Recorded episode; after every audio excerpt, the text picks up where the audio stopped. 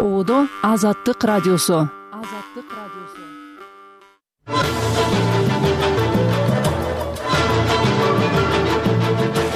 Кутман кечиңиз менен угарман азаттыктын кечки радио берүүлөрүн баштайбыз. Микрофондо түмөнбай абдинаби уулу анда дагы жарым саатта.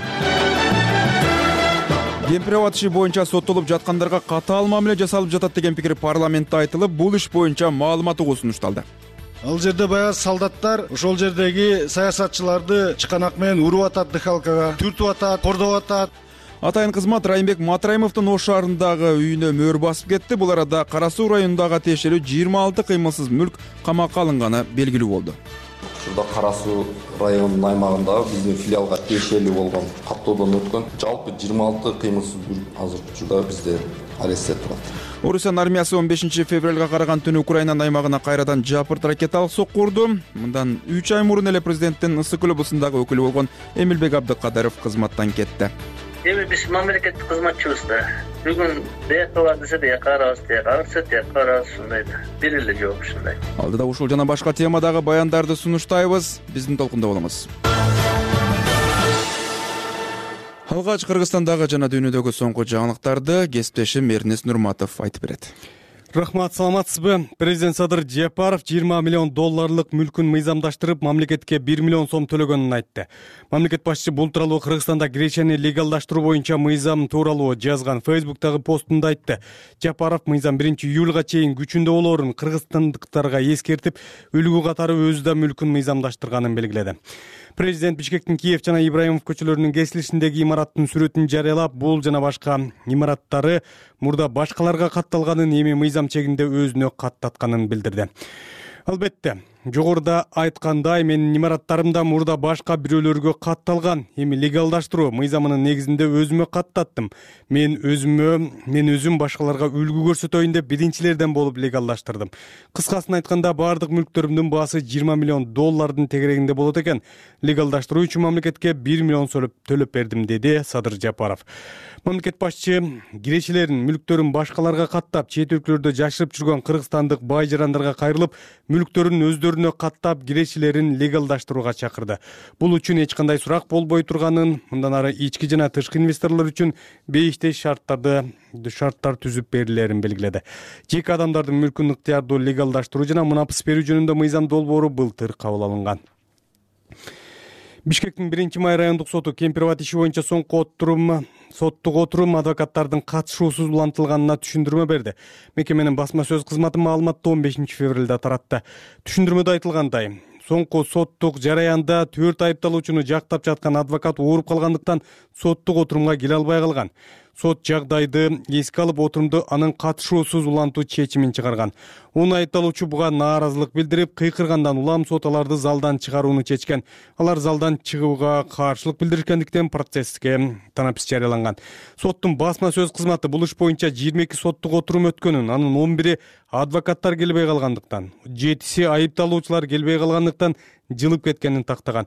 Түшүндүрмөдө сот ошол себептүү ишти улантууну чечкени айтылат он төртүнчү февралда соттук жараянда айыпталуучулар соттун аракетине нааразылык билдирип коштоп жүргөн аскерлер менен түртүшө кеткен.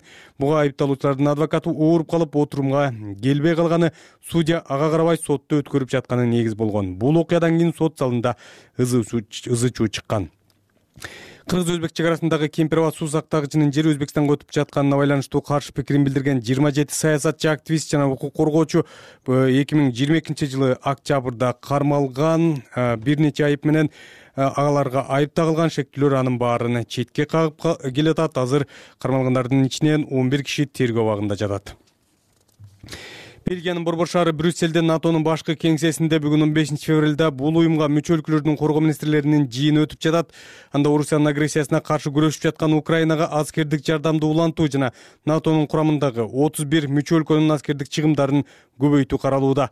Саммитти утурлай журналисттерге курган маегинде натонун башкы катчысы йенс столтенберг акшнын украинага жардамы уланаарына үмүттөнөөрүн айтты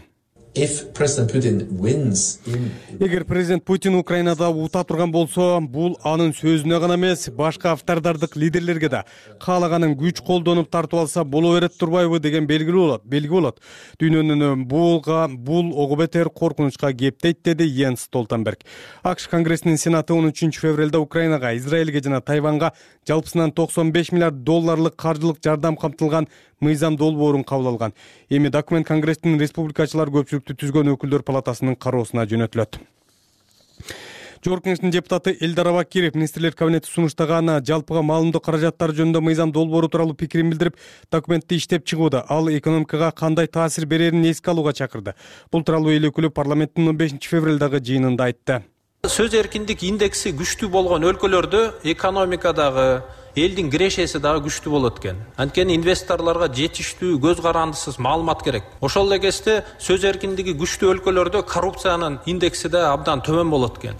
Деди депутат абакиров бийлик сунуштаган жалпыга маалымдоо каражаттары жөнүндө мыйзам долбоору э, талкууланып жатат. Мыйзам эки миң жыйырма экинчи жылы сунушталып ошондон бери талкууда келатат. Аны бир катар эл аралык уюмдар жергиликтүү жана э, жергиликтүү медиалар журналисттер жана медиа эксперттер сындап чыгышкан орусия өзбекстандын журналистика жана массалык коммуникация университетинин ректору шерзаткон кудратхаджинин өзбекстанда жашаган бирок бул өлкөнүн тилин билбеген адамдар тууралуу айткан сөзүнө байланыштуу нааразылык билдирди.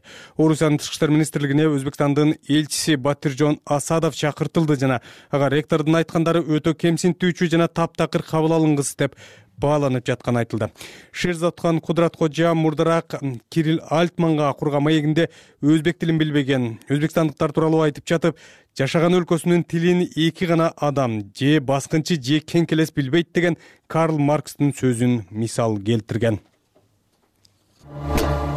эки миң жыйырма үчүнчү жылы чет жакта иштеген кыргызстандыктар мекенине эки миллиард жети жүз алты миллион акш долларын которду. Бул тууралуу улуттук банктын акча которууларга байланыштуу баяндамасында кабарланат.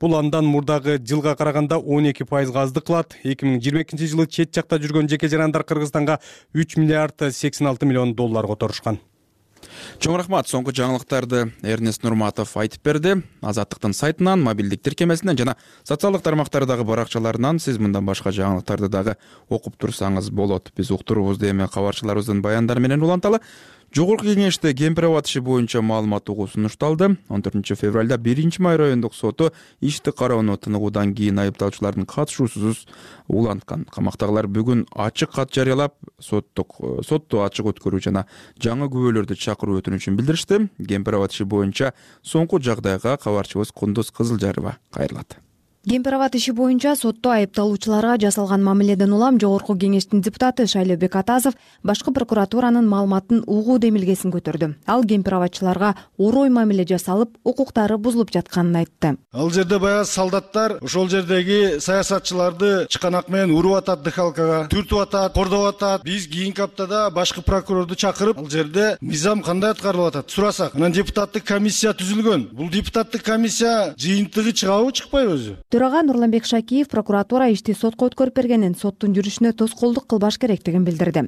Он төртүнчү февралда биринчи май райондук сотунда кемпир абад иши боюнча айыпталып жаткандар сот аракетине нааразы болуп коштоп жүргөн аскерлер менен түртүшө кеткен ага гүлнара журабаева элгиз шаменов рита карасартова жана чыңгыз капаровдун адвокаты бакыт автанзелдин жоктугуна карабай судья марат сыдыков сот отурумун баштаганы негиз болгон. Камактагы саясатчы равшан жээнбеков адвокатыбыз жок сот өткөрүп атат бизге чечимине барышы керек тарыхта биринчи жолу болуп атат. Бизге карата адвокаты жок.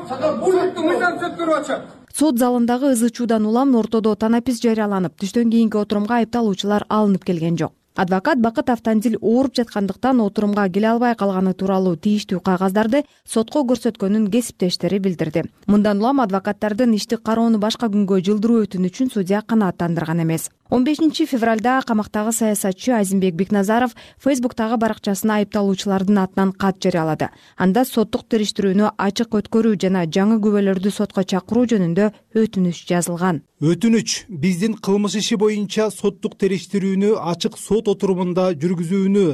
Соттук териштирүүгө жаңы күбө катары кыргыз республикасынын президенти садыр жапаровду мамлекеттик катчы сүйүнбек касманбетовду башкы прокурор курманкул зулушевду вице премьер министр эдил байсаловду улуттук коопсуздук боюнча мамлекеттик комитеттин төрагасы камчыбек ташиевди ички иштер министри уланбек ниязбековду жана президенттин кеңешчиси чолпонбек абыкеевди чакырууну өтүнөбүз айыпталып жаткан саясатчылар бектур асанов жеңиш молдокматов жана активист эрлан бекчироолунун адвокаты кантемир турдалиев процессуалдык процесстердин бузулушуна байланыштуу бир нече адвокат биригип судьяны алмаштыруу өтүнүчүн келтиргенин айтты. Азырынча тиги эмени токтотуп туралы дейт ошо ооруп аткандарды анан калганын өткөзө андай болбойт анткени булар баары бири бири менен байланышкан. Ар анда бир бирден соттой бербейт беле бул баары тең бир байланышкан ошол жерде жанагы айыпталуучу актын окусаңыз ошол жерде жазылып турат. Молдокматов жана деп туруп и баары тең эметилип атат кийин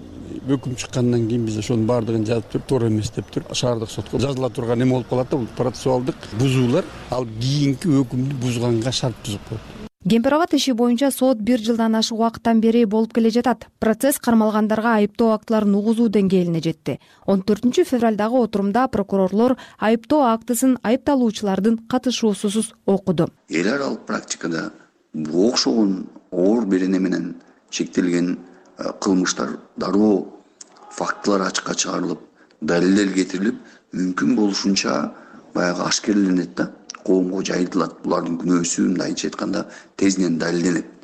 А бүгүнкү күндө биз көрүп атабыз кемпир болсун автандил жоолбеков болсун жанагы жаңы камалган журналисттер болсун бул жердеги эң негизги максат урматтабаса бийликти урматтабай эле койсун. Бирок корксун.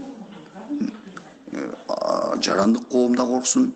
Андан кийин башкаларга дагы өз сынын айтууга кандайдыр бир сигнал болсун деген эле маселе. Деп айтты саясат талдоочу руслан акматбек кыргыз өзбек чек арасындагы кемпир суу сактагычынын жери өзбекстанга өтүп жатканына каршы пикирин билдирген жыйырма жети саясатчы активист жана укук коргоочулар эки миң жыйырма экинчи жылы октябрда камалган. Ушул тапта кармалгандардын ичинен он бир киши тергөө абагында калды. Калгандары түрдүү жагдайда үй камагына чыккан. Милиция аларды бийликти басып алууга аракет кылган деп айыптаган. Камалгандар мунун баарын саясий куугунтук деп эсептешет. Кундуз кызылжарова эрлан жумакадыров азаттык бишкек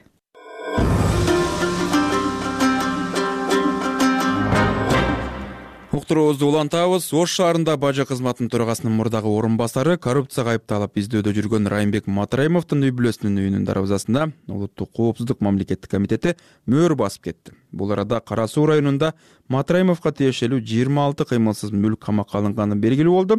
Атайын кызматтын чечими менен кадастр кызматы кыймылсыз мүлктөрдү сатууга жана бирөөгө өткөрүүгө чектөө койгон. Матраимов өзү же анын жакындары буга комментарий бере элек. Теманы кабарчыбыз даткабек шабданбек уулу улантат оштун кара суу районунда бажы кызматынын төрагасынын мурдагы орун басары издөөдө жүргөн райымбек матраимовго тиешелүү жыйырма алты кыймылсыз мүлк камакка алынганын райондук каттоо кызматы билдирди. Камакка алынган мүлктүн арасында исмаил ата атындагы мечит исмаил ата чайканасы дагы бар.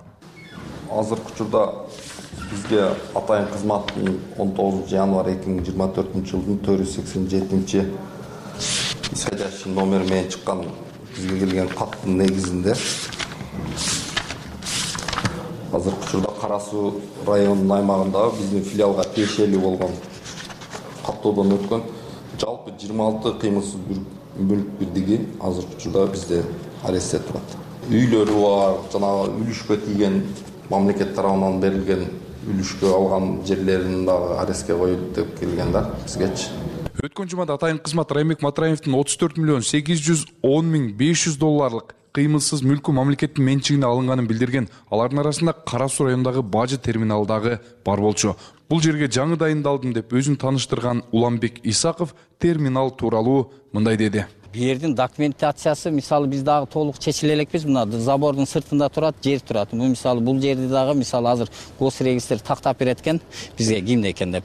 Бизге точно канча эме өтөт ошонун баардыгын тактасак азыркы убакытта төрт гектарга жакын жер өттү да мындай документальный. Бул арада ош шаарындагы субаналиев көчөсүндө райымбек матраимовдун үй бүлөсүнө тиешелүү үйдүн дарбазасына атайын кызматтын тергөөчүсүнүн колу коюлган мөөр басылып турганы белгилүү болду. Матраимовго тиешелүү деп айтылган оштогу жамбы бизнес борбору да жакында эле жабылып кайра иштей баштаганын ошол жерде эмгектенген бир канча адам тастыктады. Бирок ал кандай себептер менен жабылып ачылганы тууралуу расмий маалымат чыккан эмес. Январда ош мэриясы матраимовдун үйүнүн тосмолорунун мыйзамдуу аянтынан тогуз метр чыгып кеткенин айтып дубалдарын бузган. Атайын кызмат матраимовдун ош шаарында ыхлас жана имарат стиль курулуш компанияларындагы кыймылсыз мүлктөрүн чыгарып башка дагы мүлктөрү тууралуу териштирүү жүрүп жатканын айткан. Коррупция беренеси менен соттоп ошол маалда баардыгын улутташтырыш керек болду. Кыргызстандагы баардык мал мүлкүн чет элкедеги э, уюмдардагы аркылуу издетип анан дубайдагы жана башка жерде кыймылдуу кыймылсыз мүлктөр бар деп атпайбы ошолордун баардыгын издөөгө алдырып мурда буну кылмыш жоопкерчиликине тартыш керек болчу. Андай мүмкүнчүлүктү азыркы биздин күч органдарыбыз андай мүмкүнчүлүктөн азыр э, чектелип калды. Анткени адам бир эле кылмыш менен бир жолу соттолот. Матраим кылмыш жаза кодексине ылайык коррупция беренеси менен мурда соттолуп калды. Ошондуктан күч органдары аны азыр азыр андай беренени кое албайт. Азыркы коюп аткан беренеси менен матраимди соттоп сыртынан соттоп кое бериши мүмкүн. Кыргызстанда эми болуп келген да. А бирок бул бийлик дагы алмашат заман өзгөрөт. Ошондо матраим кайра э, азыркы э, мал мүлкүн кайра кайтарып алышы мүмкүн өзү акталып кетиши мүмкүн матраимов акыркы окуялар тууралуу комментарий бере элек азыр анын кай жакта экени белгисиз. Былтыр укмкнын төрагасы камчыбек ташиев райымбек матраимовду жана маркум кримтөөлүк камчы көлбаевди өлкөдө мафия түзгөн деп айыптаган. Эки миң жыйырма биринчи жылы да укмк райымбек матраимовду коррупцияга айыптап иш козгоп ал эки миң он алтынчы жылдын башында бажыдагы башка аткаминерлер менен көмүскө коррупциялык схема түзгөн деп билдирген. Сот аны күнөөлүү деп таап эки жүз алтымыш миң сом айып пул чегирген матраимов өзү да күнөөсүн мойнуна алып мамлекетке эки миллиард сом төгүп берген. Таткабек шабданбек уулу жуманасыр сапанов азаттык ош. Азаттык радиосунун кечки берүүлөрүн угуп жатасыз. Биздин эфирде сиз радиодон тышкары азаттыктын youtube каналынан жана facebook баракчасынан түз эфирде уга аласыз. Эми учка жаңылыктарды айтып берели президент садыр жапаров жыйырма миллион долларлык мүлкүн мыйзамдаштырып мамлекетке бир миллион сом төлөгөнүн айтты. Бишкектин биринчи май райондук соту кемпир абад иши боюнча соңку соттук отурум адвокаттардын катышуусуз уланганына түшүндүрмө берди. Бельгиянын борбор шаары брюссельде натонун башкы кеңсесинде бүгүн бул уюмга мүчө өлкөлөрдүн коргоо министрлеринин жыйыны өтүп жатат. эки миң жыйырма үчүнчү жылы чет жакта иштеген кыргызстандыктар мекенине эки миллиард жети жүз алты бүтүн ондон бир миллион акш долларын которду мындан башка жаңылыктарды азаттык чекит орг сайтынан окууга чакырабыз. Биз эми уктуруубузду эл аралык темалар менен уланталы. Орусиянын армиясы он бешинчи февралга караган түнү украинанын аймагына кайрадан жапырт ракеталык сокку урду башкала киевде запорожье жана львов шаарларында жардыруулар болгону маалымдалды. Ушул эле күнү орусиянын курск шаарындагы мунай базага дрон менен жасалган чабуулдан өрт тутанды ал эми владимир путин украинадагы согушту эртерээк баштабаганына өкүнөрүн айтты темага элиза кененбаева кайрылат украин бийлиги билдиргендей өткөн түнү полтава облусундагы авиабаза жайгашкан миргород шаарына орус армиясы канаттуу ракеталар менен сокку урду купянск району дагы аткылоого кабылды. Душман купянск районунун великий бурлук шаарына сокку урду ракеталык чабуулдан эки кабаттуу эки үй талкаланды. Беш киши жараат алып эки адам набыт болду. Урандылардын алдында дагы жарандар бар. Чабуулда канча с үч жүз ракетасы колдонулганын аныктап жатабыз Э, ракетные удары были завданы попередньо ракетами с триста. Деди купянск райондук прокуратурасынын жетекчиси эдуард миргородский львов калаасынын башчысы шаарга ондон ашык ракета менен чабуул болгонун билдирди. Жардыроонун толкунунан мектептин имараты жабыркап көп үйлөрдүн терезелери күбөлүп түштү. Запорожьеде аткылоодон көп кабаттуу үйлөргө зыян келип төрт киши жараат алды. Хмельницк днепропетровск облустарында инфратүзүмдөр жабыркаганы маалым болду.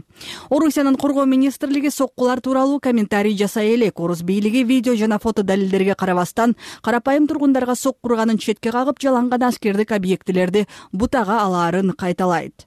Бул арада орусиянын президенти владимир путин россия бир телеканалынын алып баруучусу павел зарубинге курган маегинде украинадагы согушту эртерээк баштабаганына өкүнөөрүн айтты. Единственное о чем мы можем сожалеть бир гана түз жүргөн адамдар менен иш алып барып жатабыз деген ишеничте жүрө берген экенбиз активдүү аракеттерди эртерээк баштабаганыбызга өкүнөм порядочными людьми.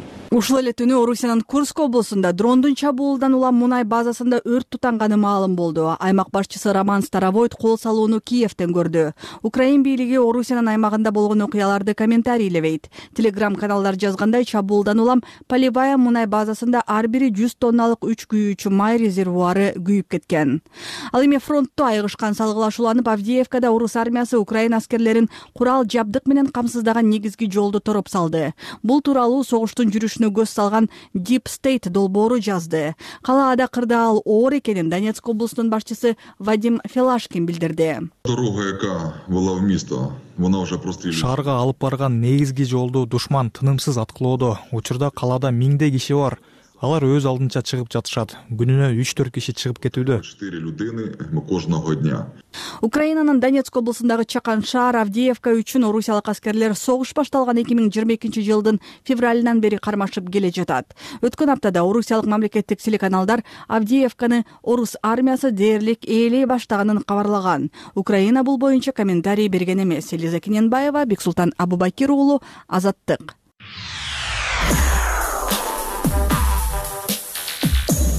эми аймактарга кайрылалы. Эмилбек абдыкадыров президенттин ысык көл облусундагы ыйгарым укуктуу өкүлү кызматынан бошотулду. Ал бул кызматка былтыр онунчу ноябрда эле дайындалган.